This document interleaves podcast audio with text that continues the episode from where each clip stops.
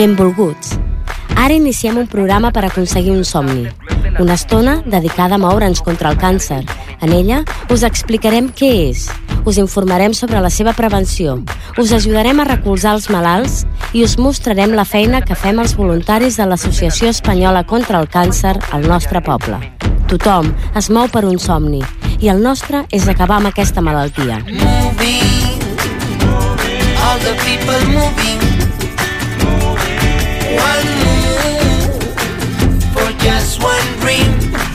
Bona tarda i benvinguts a l'edició número 5 de Movent-nos contra el càncer, avui dia 28 de maig de 2013. Eh, donem la benvinguda i saludem al Jordi, el nostre equip tècnic, a l'audiència, als col·laboradors habituals, als voluntaris i a la gent que, que avui ens acompanya, que us assegurem en principi que ens ho passarem molt bé. Eh, començarem una mica explicant-vos què és el que veureu, una mica el sumari. Començarem primer parlant de les activitats que té com a nucli central la col·lecta que es va fer el mes de maig, el, dia 12 i 15 de maig. Passarem després a parlar sobre l'entrevista que li farem a la Maria Jesús com a voluntaris que li farà la Raquel. Més endavant eh, ens centrarem en l'entrevista, avui tenim entre nosaltres la Marga Ruiz, la qual ens parlarà sobre dietètica, alimentació saludable i tot allò que té a veure amb una alimentació correcta per eh, intentar evitar al màxim el, la malaltia. Per altra banda, també parlem una mica de l'agenda, allò que tenim previst de fer el mes proper. Ens centrarem bastant en el que és el càncer de, de pell, el que és el melanoma, i també parlarem del dia 31 de maig, que és el dia internacional eh, de, de, no, de no fumar, no? del dia de, del, contra el tabac. Uh, bé, tot això també amb altres notícies que el direm informant sobre, la, sobre com ha anat aquest mes i tindrem un record també amb el català de l'any. Recordeu que aquest any, el, aquesta edició, el català de l'any ha sigut l'oncòleg de la de Vall d'Hebron, el senyor doctor Sánchez de Toledo. Per ell també li volem dedicar uh, aquest programa.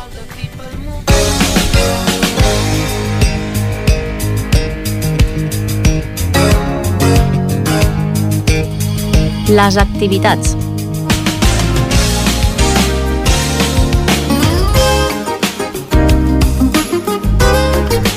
Bé, doncs comencem amb les activitats. Avui la, la Núria Teruel eh, ens parlarà sobre com va anar aquests dos dies, el dia 12 i el dia 15, i em sembla que també ens ha portat uns, uns quants convidats que volen col·laborar amb nosaltres. Doncs sí, Albert, mira, us explico una miqueta. El dia 12, que va ser diumenge, dia 12 de maig, vam celebrar el dia de la recapta aquí a Ripollet, eh, vam recollir 2.938 euros i el dimecres, dia 15, vam recollir 1.006 euros. El total de la recapta van ser 3.945 euros. Vam treballar moltíssim i la veritat és que vam aconseguir bueno, eh, només 230 euros menys que l'any 2012 que amb les mancances econòmiques actuals que estem passant doncs no està gens malament. Molt bé, molt bé. Eh, I esperem que el 2014 doncs, pugui ser millor que aquest. Aviam si ens unim tots i podem aconseguir rècords. Avui ens acompanyen tres nois que ens van acompanyar el dia de la recapta, que és el Xavi, el Gorka i el Raül. Eh, tres nois joves de 16, 17 anys i és el segon any que, que ens venen a ajudar.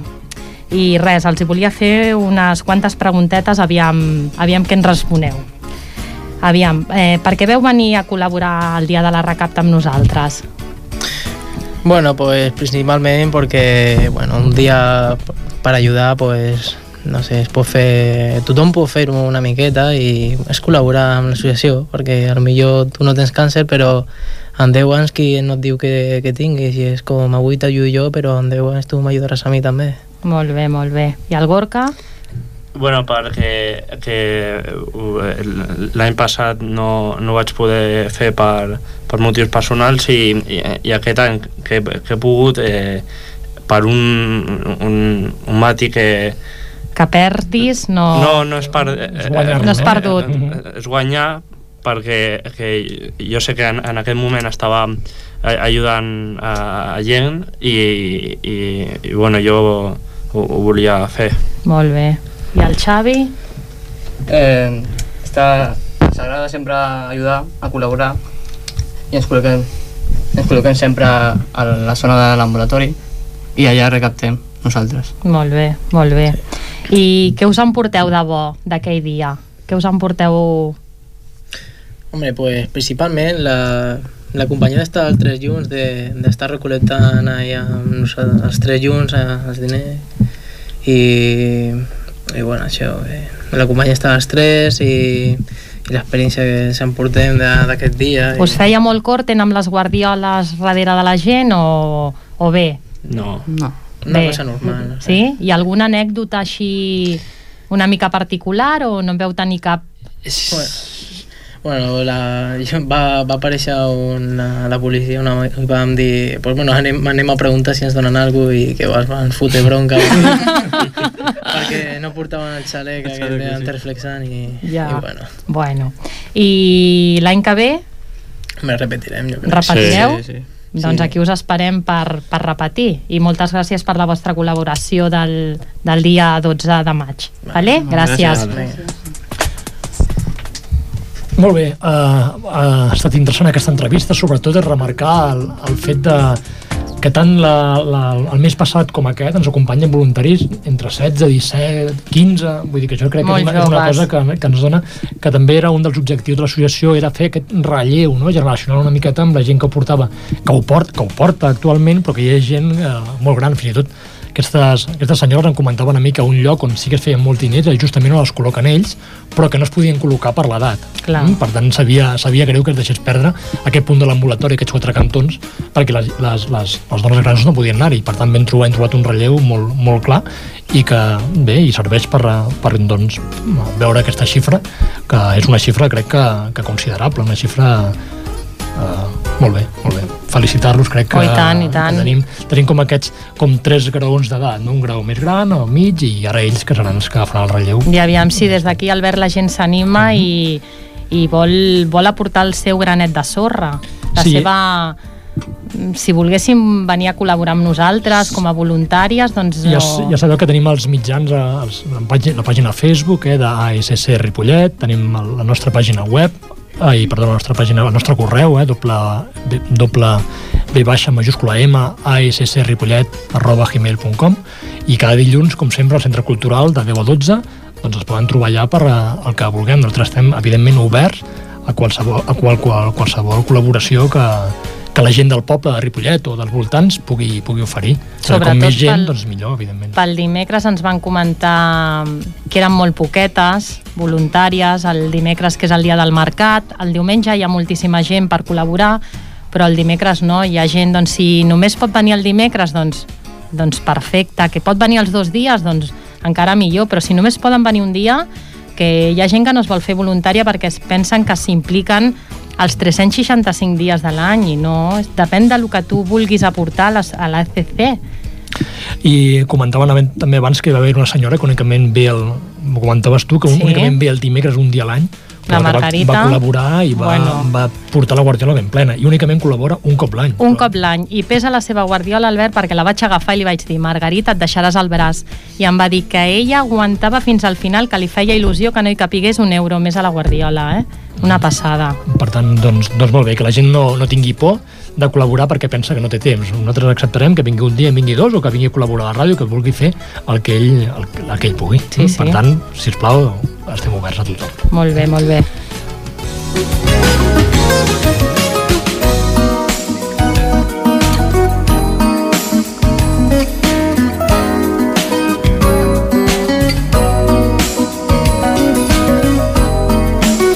Bé, doncs eh, recordem, eh, eh, si algú vol, eh, també pot trucar-nos al 93 594 21 64, eh, repeteixo, 93 594 21 64, qualsevol persona que vulgui fer-nos alguna pregunta, una consulta o pregunta, doncs, doncs ja ho sap.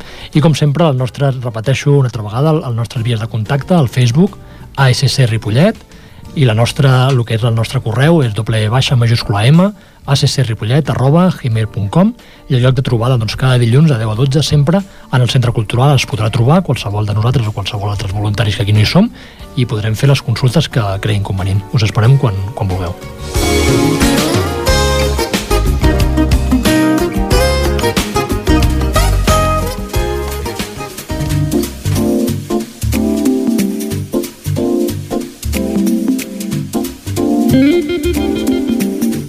Els voluntaris. Molt bé, avui la Raquel ens parlarà uh, aquest, uh, aquest monogràfic que feia de voluntaris i ens uh, tenim el plaer de comptar amb la Maria Jesús i res, doncs com vulgueu. Molt bé, bona tarda, Albert. Bona, tarda, Maria Jesús. Bona tarda. Hola, bona tarda.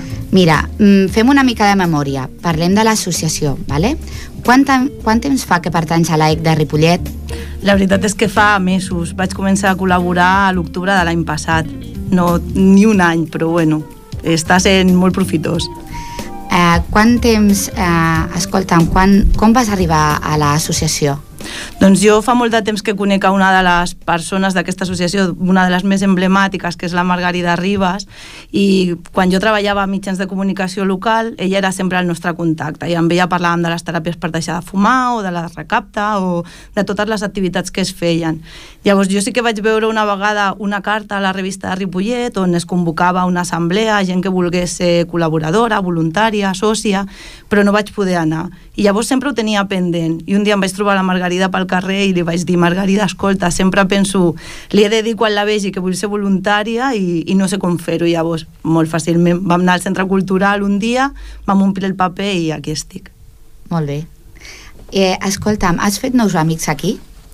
Bé, fa molt poc temps que estic, però sí que he conegut a moltes persones que crec que tenen molt a oferir i, i bueno, que són gent que voluntàriament fa una feina amb moltes ganes. Potser amb qui més he parlat és amb l'Albert Uribe, que és el president, i bueno, a mi sí que m'ha agradat molt l'empenta no?, que li està donant amb noves activitats, com el Festival de Dansa, que era per recaptar diners, doncs així, coses noves per a aquesta associació que a més, bueno, mica en mica es va, també ha de canviar.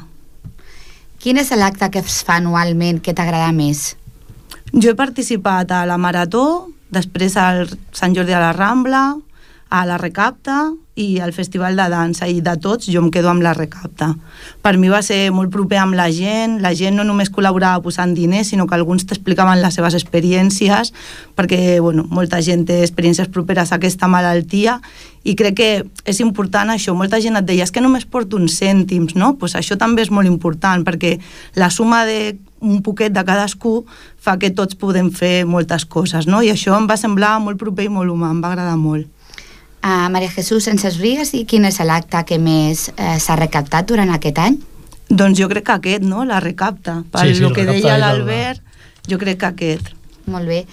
Eh, Pensa-hi una mica, eh, quina activitat no es fa i que t'agradaria que es fes? Bueno, amb aquesta, no sé, jo porto molt poc temps a l'associació. Jo he pensat que potser el que sí que es podria fer és com una sèrie de monogràfics, no sé, cada tres mesos o cada quatre, sobre un tema concret amb alguna persona experta, no? Fa poc vam estar recollint signatures pel càncer de colon i quan jo li... Bueno, a mi em va sobtar molt perquè jo no sabia, per exemple, que era un dels càncers més numerosos i a la gent que li deia per signar també ho desconeixia. Llavors potser això, no? Fer alguna xerrada cada cert temps amb això, amb algun expert que pugui, col·labo que pugui col·laborar també i... Per cert, que des, de la Junta de Barcelona el van, facili, van felicitar perquè pel gran nombre de, de signatures que vam, vam aconseguir. Ah, molt bé. I ara digue'm dues raons per entrar a formar part de l'associació. Bueno, la primera és perquè malauradament gairebé tots o tots tenim una experiència propera amb el càncer i llavors jo crec que és important recaptar aquests fons que es recapta des de l'entitat sobretot per, per invertir-los en la investigació contra aquesta malaltia no? i ja que vivim en aquesta situació ara mateix de retallades pues que potser aquesta solidaritat arribi on les polítiques ara mateix no estan arribant i la segona, per lo que comentava abans de la recapta, perquè jo crec que la suma de tots, posant una mica a cadascú de nosaltres, podem aconseguir moltes coses. Vale. Ara m'agradaria conèixer-te una mica tu personalment, vale? Uh, on vas néixer? A Sabadell. Eh, el número que t'agradi? No hi ha cap, però qualsevol número que sigui en parell. Un color? El lila. Una cançó? Això ha estat molt difícil de triar, eh? Jo diré Noches Reversibles, d'un grup que es diu Love of Lesbian, però ha estat molt difícil, eh? Perquè n'hi ha moltes que m'agraden. Uh, digue'm un menjar. La pasta. I una afició?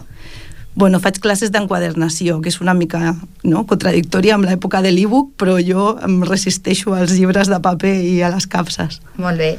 Ah, pues aprofitant, digue'm un llibre que t'agradi. Un que es diu Modelos de Mujer de l'Almudena Grandes. I un programa de televisió? Els Salvados del Jordi Évole. Si haguessis d'anar amb un amic a veure una pel·lícula, quina seria? Bueno, hi ha una mica que m'agrada molt, que es diu Noviembre, que és d'un director que és la Chero Mañas, que molta gent el coneix per la pel·li del Bola, però bueno, que jo recomano aquesta perquè és una pel·lícula que no va tenir molt de públic, però que crec que és molt bona. I si fossis invisible durant una hora, què voldries fer? O què fan? Jo crec que em colaria aquesta hora en una reunió del Consell de Ministres a veure què parlen, perquè a vegades crec que viuen en una realitat paral·lela a la nostra, que no estan al mateix nivell i m'agradaria saber què parlen entre ells. Després et convidaríem a la ràdio perquè vinguessis i ens ho expliquessis a nosaltres. Ho explicaria tot. Quin personatge històric t'agradaria haver conegut? A mi m'hauria encantat bueno, haver conegut el Federico García Lorca des que vaig a l'institut amb una professora que ens va posar vídeos de la seva vida que el segueix, bueno, segueixo la seva obra i m'agrada molt. Potser després el coneixeria i no m'agradaria gens, no? però, però em dóna molta curiositat. Eh, tres coses per endur-te a una illa deserta. Bueno, jo he pensat en una llanterna solar, en una navalla i, no sé, potser en una bengala, no?, per si passa algun vaixell o, o un avió perquè em vegi. Molt bé. I ja l'últim, per finalitzar, un desig. Bé, desig n'hi ha molts, però potser, com que estem en aquesta associació i estem aquí, per mi seria que la investigació avancés tant, tant, que es trobés una solució a aquesta malaltia. Ojalà, no?, algun dia ho puguem dir que sigui aviat. Bueno, pues, moltes gràcies, Mare de Jesús, per haver estat amb nosaltres. Gràcies a vosaltres. I fins una altra. Fins aviat.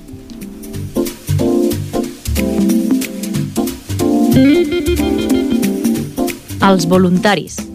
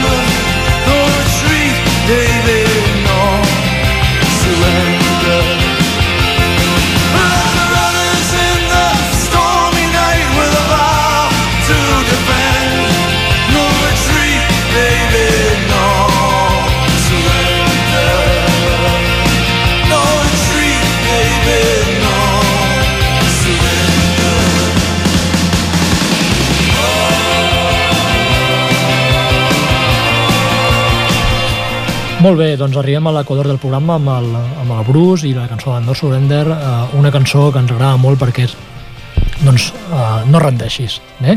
Per tant, avui la- l'Aurora entrevistarà a la Marga Ruiz, la qual ens parlarà sobre el tema de dietètica, alimentació saludable i tota aquella alimentació que ens pot ajudar a prevenir el, el càncer. Per tant, Aurora, com vulguis. Molt bé, bona tarda. Bueno, doncs avui tenim a, a una companya i amiga, eh, Marga Ruiz. Ella va patir un càncer de tiroides, del qual ja està recuperada, només controls, està molt bé, i a partir de, de tenir aquesta malaltia doncs va prendre molt d'interès per, per cuidar-se a nivell personal i va començar a adequar la seva dieta a les seves necessitats. A partir d'aquí també va estudiar, va estudiar sobre dietètica i nutrició, que és del que parlarem avui. Bona tarda, Marga. Buen- buenas tardes y gracias por invitarme. No, gracias a ti. Bueno, eh, Marga, ¿por qué tu enfermedad eh, te, te motivó a interesarte tanto y estudiar el tema de, de la alimentación y nutrición? Bueno, siempre he tenido un especial interés por, por las cosas naturales, sanas, pero realmente mi interés empezó cuando me diagnosticaron. Entré a formar parte de la EC, bueno, pues buscando un poquito de apoyo de gente que compartía tus mismos problemas y le estaba pasando por lo mismo que tú. Ahí un día una persona me habló de, un libro que se llama eh, Anticáncer, una nueva forma de vida. Y bueno, yo leí este libro, me enamoré de él. Es de David Servan, no sé si lo diré bien, es Clever. Y bueno, este libro me abrió un mundo nuevo. Empecé a tener ganas de saber más, más y más. Te, enseñaba todo lo que era la alimentación anticáncer y era lo que en ese momento me apetecía saber. Bueno, a partir de ahí también aprovechando mis, mis estadas en casa con los tratamientos, eh, empecé a estudiar, empecé a hacer cursos a distancia y bueno, a devorar todo lo que caía en mi mano. Todo relacionado con nutrición, dietas, vida Todo. sana, ¿no? Todo. Muy bien. Y mm, haciéndonos un, un resumen generalizado, ¿en qué consistiría una dieta anticáncer? ¿Qué es lo básico de, de- lo más básico para hacer una buena dieta en este sentido? Bueno, primero me gustaría dejar claro que no hay ningún alimento, ninguno, que sustituya los tratamientos médicos. Pero bueno, sí que tenemos que tener claro que las células eh, cancerígenas son células de nuestro cuerpo y que se alimentan de, una serie de, alimentos, ¿vale? Que, que son las que las hacen engordar eh, y expandirse, ¿no? De alguna manera. Con lo cual, eh, a ver, una dieta anticáncer sería, pues, por ejemplo, una persona que tiene un cáncer de pulmón, pues sabe que tiene que evitar el tabaco, ¿no? Y así, pues, ampliaríamos a esta serie de alimentos que sabemos que nos, nos perjudican de alguna manera. Bueno, yo, por ejemplo, pues diría que, pues, pues aparte del tabaco, el consumo del alcohol, las drogas, pues diría que dentro de toda esta, esta lista de productos de una dieta anticáncer metería todo aquello que nos haga engordar estas, estas células y además intentaría evitar en todo lo posible pues ambientes ácidos que nos hagan estar tristes o enfadados y hacer mucho deporte para oxigenar nuestro, nuestro organismo. Para mí todo esto sería lo que sería una dieta anticáncer correcta. O sea, que hablando de dieta no solo te refieres a alimentos, sino a una forma de vida, ¿no? También Una forma de sana en cuanto a deporte, etcétera. Todo un cambio, todo un cambio general en, en- en tu manera de pensar y de, y de alimentarnos, ¿no? Correcto. Y en cuanto a alimentos, mm, precisamente que estamos comentando, ¿cuáles serían los alimentos que básicamente pueden perjudicar más a un enfermo de cáncer? ¿Y cuáles serían los que tal vez beneficie eh, el tomarlos Vale, más hay- abundantemente? Hay varios, hay varios. Yo nombraré algunos, algunos los más comunes. Mm, Por ejemplo, el azúcar blanco es un alimento que no tiene ningún valor nutricional y es un alimento que a las células cancerígenas les vuelve loco, ¿no? Entonces, pues azúcar blanco, eliminado. ¿Qué optaríamos? Pues hay muchos edulcorantes más naturales y más sanos. Hay sirope de agave, hay sirope de alce, Ahí, bueno, esto en una arboristería te informarían. Otra te- forma te de sustituir otros- el azúcar Sí. mm, refinado. Sí. Luego, pues, por ejemplo, eliminaríamos lo que son, o, o más bien reduciríamos lo que sea posible, todo lo que son grasas de, de origen animal, proteínas lácteas y, y, bueno, y en principio, pues todo lo que carezca de algún valor nutritivo y, o, pues en principio bollería industrial, todo este tipo de, de cosas sería lo que eliminaríamos porque no nos aportan nada, simple y llanamente harán engordar nuestras células. Y manipulados y todo lo que sean refinados y todos los aceites fritos, todas Todo estas cosas las, eliminari- las eliminaríamos en lo posible. En cuanto a los lácteos, que, que, bueno, nos han educado siempre en, en tomar tanta leche, en que los niños pues es un alimento muy muy muy importante, pero luego cuando conoces el mundo del cáncer y según qué cosas, sabes que, que lo que es la leche de vaca tampoco es que sea muy muy beneficiosa para un hígado pequeño. Me gusta que me hagas esa pregunta. Mira, no. La verdad es que, mira, la leche en su origen es que es un alimento perfecto. O sea, es, es un alimento que, que no tendría por qué ser malo. El problema es que hoy en día necesitamos tantísima leche y se consume tanta leche que esas vacas ya no pastan, no comen igual y la calidad de esta leche no es la misma. Ya pues se industrializa, se les, eh, se les inyectan hormonas o se alimentan de otras maneras que hacen que cuando llegan a nuestro organismo ya no tiene las propiedades no tiene las propiedades que tendría una leche, ya nos producen más mal a partir de según qué edad que bien. Y cuando una persona tiene un cáncer, por ejemplo, el cáncer de colon es, un- es, es uno de los cánceres que la leche provoca un mucus que es fatal. ¿Vale? Y de ahí, pues, otra serie de cánceres tampoco sería recomendable la leche, la proteína láctea. ¿Se podría sustituir por leches vegetales, por leche ejemplo? de soja, perfecto. Soja. Perfecto. bien. En cuanto a alimentos beneficiosos, ¿qué nos recomendarías?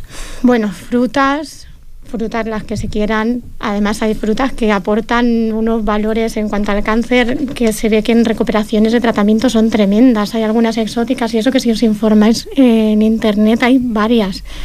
Eh, luego aparte las hortalizas, verduras y todo lo que sean alimentos que sean lo más natural posible y nos aporten muchos nutrientes.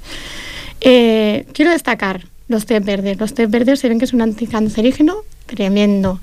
El chocolate negro. Chocolate sin leche. El chocolate Sí, negro también es un anticancerígeno. ¿Qué más? ¿Qué más? El aceite de oliva, eh, harinas y cereales integrales. Y uf, seguro que se me escapa alguno, pero hay, hay sí. bastantes. La verdad es que... Podríamos hablar de que cuando se habla de dieta mediterránea es la más cercana a lo que podría ser bien hecha una dieta saludable. Antiguamente es que una dieta mediterránea Antiguamente, se bebía ¿no? leche de vaca, se comía con una copita de vino y todos hacían casa. Actualmente se ve eh, según qué refrescos y ya no es lo mismo. Quizás ahora pues no tenemos una mala dieta, pero habría que modificarla un poquito, un poquito, mimarnos más. Vale, muy bien.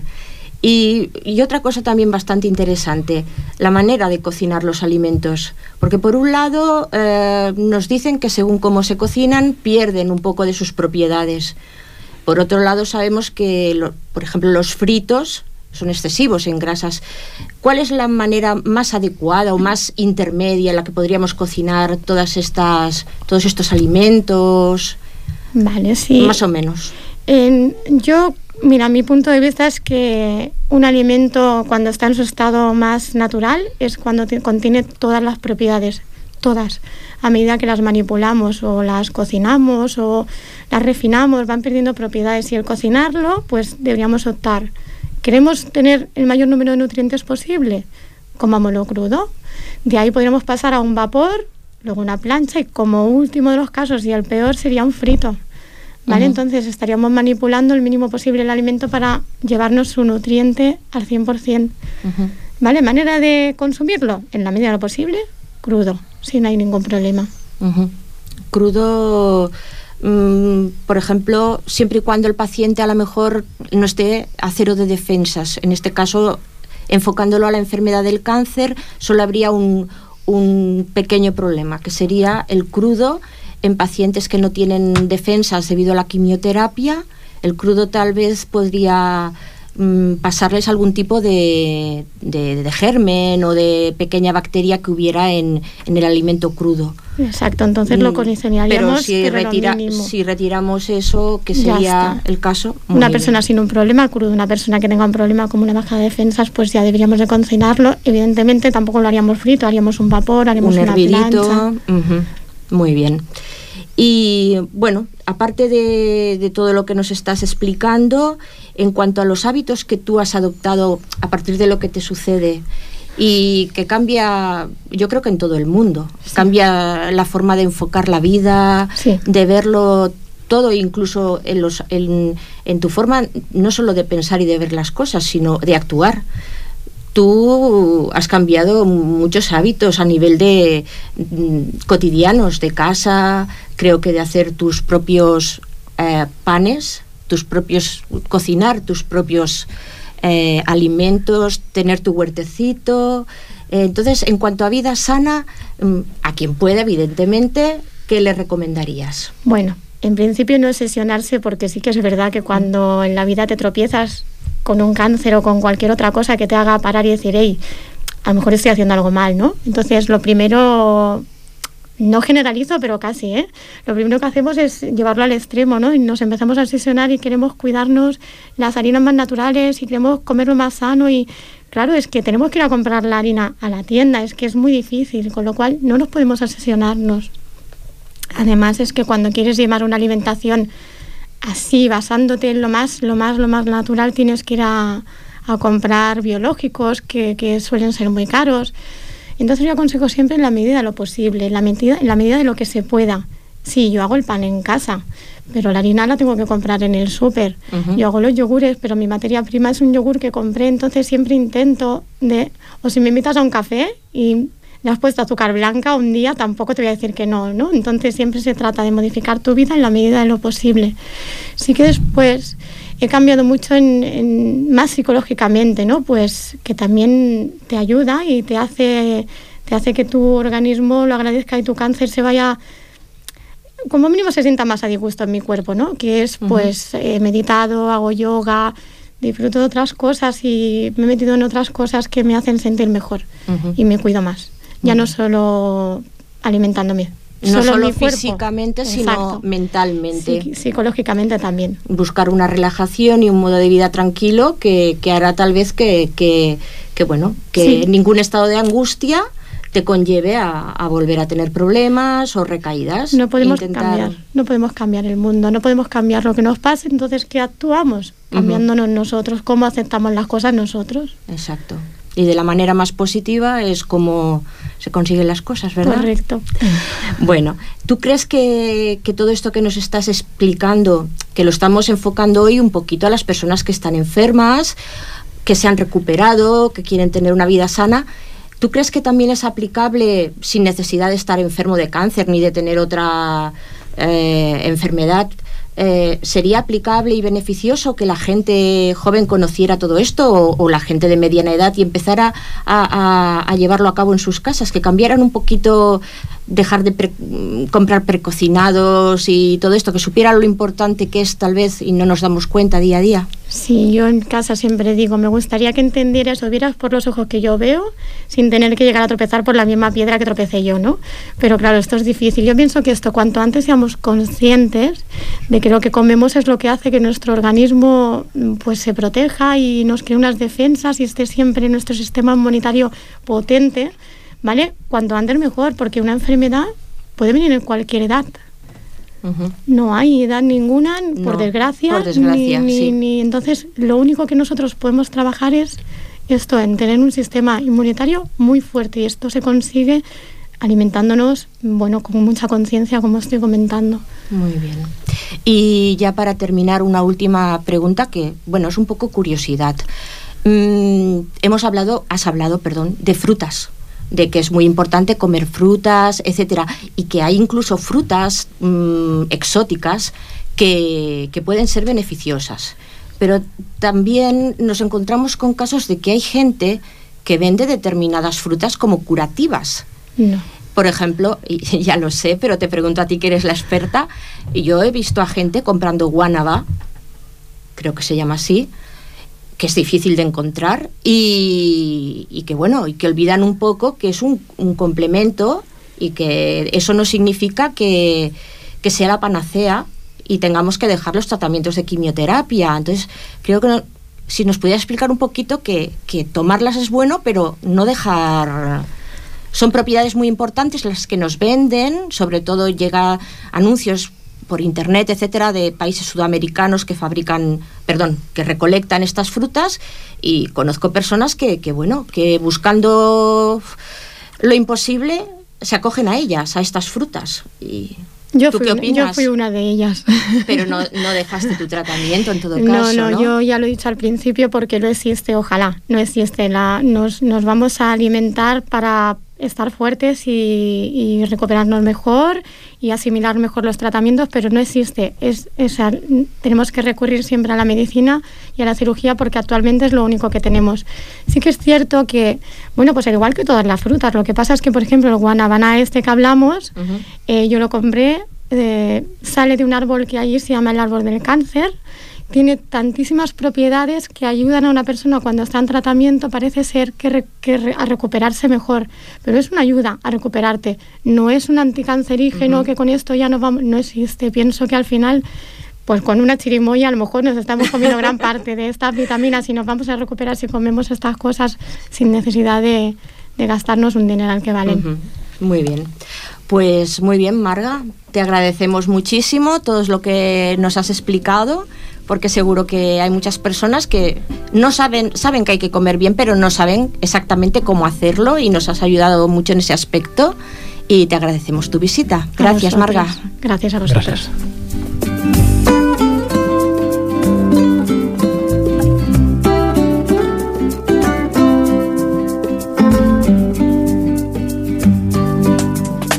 L'agenda.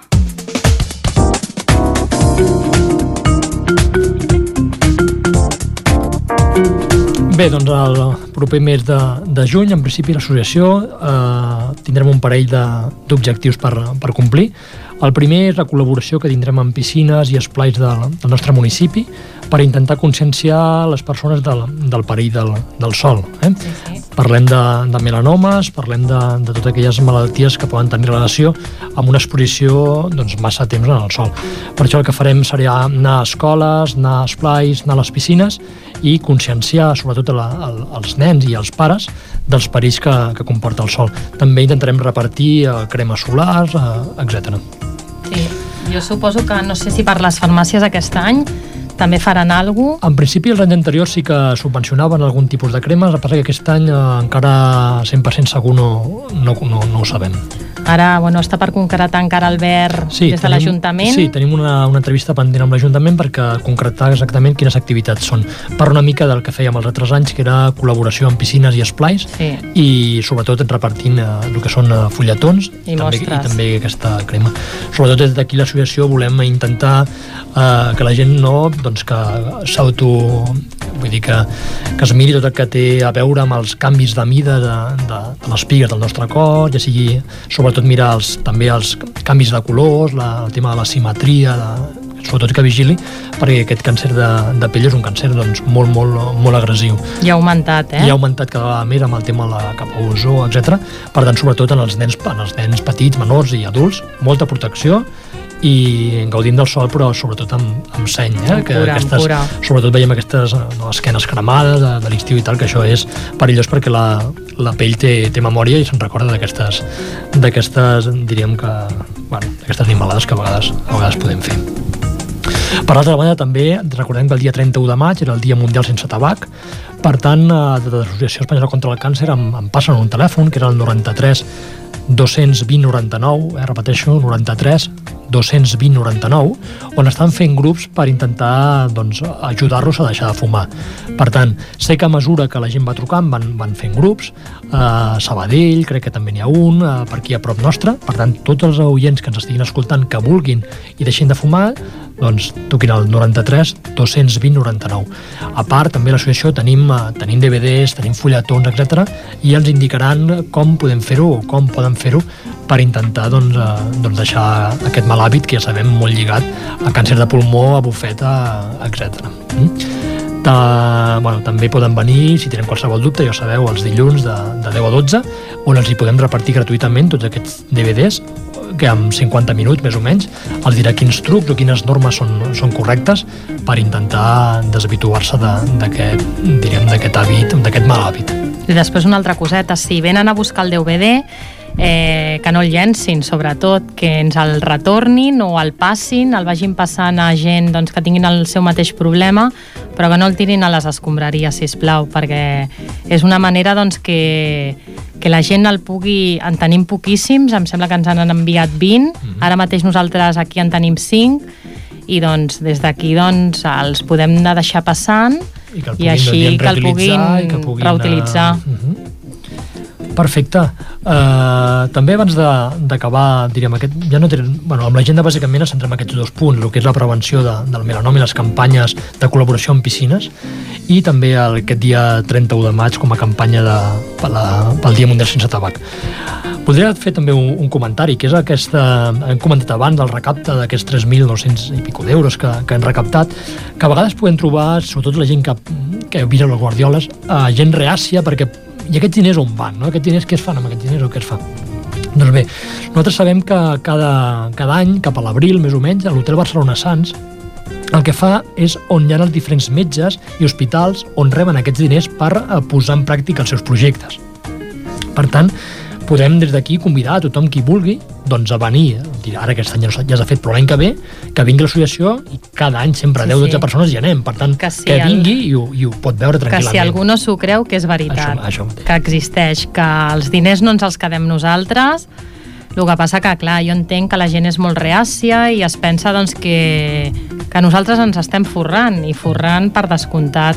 Bueno, si em permeteu fer un Sí, incís, sí, sí, sí, Aurora, i tant. jo crec que el que està perjudicant també molt a associacions com l'Associació Espanyola contra el Càncer, que és una associació que recordem de tota la vida i que, i que treballa contra el càncer, jo crec que de les primeres, el, el problema és que estan sortint moltíssimes associacions o grups que realment després s'ha descobert que són bueno, eh, que estan enganyant a la gent, sobretot des de les redes socials, el que seria fer grups o associa associacions que recapten, eh, la gent s'involucra en determinats casos i, per desgràcia, passat el temps, se n'adonen que era un, un engany o bé... Eh, amb la qual això està perjudicant molt a les associacions de veritat sèries, com seria l'Associació Espanyola contra el Càncer. Per tant, si voleu col·laborar, que és el que sempre demanem i l'ideal, abans de donar diners, informeu-vos molt bé. Pregunteu, no trobeu una associació per Facebook, per internet, que us posi que hi ha un nen malalt o un adult i que dema- demanen diners sense informar-vos prèviament. I si no us en refieu, aneu, sempre a les de tota la vida, a les que donem eh, proves i seguretat, sobretot. Sí, sí, per tant, sobretot eh, la gent que, que tingui no tingui dubtes i que vingui i ho pregunti, parlem, vull dir, això és el que, el que s'ha de fer, assegurar ben bé de que hi ha els diners on van, Mhm. doncs segur que van a bon port. Molt bé, doncs, uh, perfecte. Uh, no sé si algun més dels convidats vol acabar de, vol acabar de concretar alguna, alguna qüestió més dintre d'aquest programa. Bé, també recordar-vos una altra vegada, per, per l'enèsima vegada, eh, el fet de que estem oberts a la col·laboració de tot el que vulguin, ja sigui a través de Facebook, a través de la pàgina del correu, a través dels dilluns de venir de 10 a 12. Per tant, eh, bé, si cas, una coseta que tenim per acabar, eh, donar agraïment també al doctor Sánchez de Toledo, com a... Eh? Sí, perquè, sí, perquè és una persona que bueno, s'ha dedicat, mm, ja té a prop d'uns 60 anys, és una persona que s'ha dedicat tota la vida, en concret a l'oncologia pediàtrica, eh, que és de molt agrair, que és el tema que jo sempre parlo, per lo que em pertany, i no només dedicar-se a l'oncologia pediàtrica, a, a curar i, i avançar i estudiar els càncers infantils, sinó que psicològicament és una persona que s'ha interessat molt mm, pels nens de lo que seria la banda com tractar els nens, com, com arribar a ells. És un món completament diferent i, i aquesta persona només fa, no només fa la labor de metge boníssim, dels millors que hi ha en el país i a nivell mundial, com un còleg infantil, sinó que s'ha preocupat d'arribar-hi eh, amb el cor als nens. Transmetre tranquil·litat, seguretat, que poder ho necessiten més que no passes adults, i també s'ha involucrat molt en el món adolescent, que, com ell explica, cada cop que l'entrevisten, eh, és el més complicat perquè ell explica que no són ni nens ni són adults. Llavors, mm, quan ho vaig saber, per mi va ser una, una gran satisfacció perquè és una persona que tota la vida l'ha dedicat i molt bon metge. Sí, molt d'agrair que li hagin donat a ell. I tant, hem estat força contents el senyor Sánchez de Toledo, recordeu que és el català de l'any d'aquest any 2013. Doncs molt bé, doncs agrair sobretot als nostres col·laboradors, sobretot a, a, a la Marga, a la Mar Jesús, eh, al Rubén, a la Gorka, al Xavi, la presència d'aquest programa d'avui. Recordeu que aquest programa es podrà repetir, es repeteix el quart diumenge de mes també de, de dues a tres, que en un principi ens quedaria només un programa, potser per acabar el que era aquesta temporada cap a finals de juny, encara hem de concretar si el podrem realitzar o, o ja passaríem a la temporada vinent, i res, com sempre, doncs ens hem passat molt bé, gràcies per escoltar-nos i doncs fins la propera, si Déu vol. Gràcies. A vosaltres. Bona tarda. Gràcies. Bona tarda.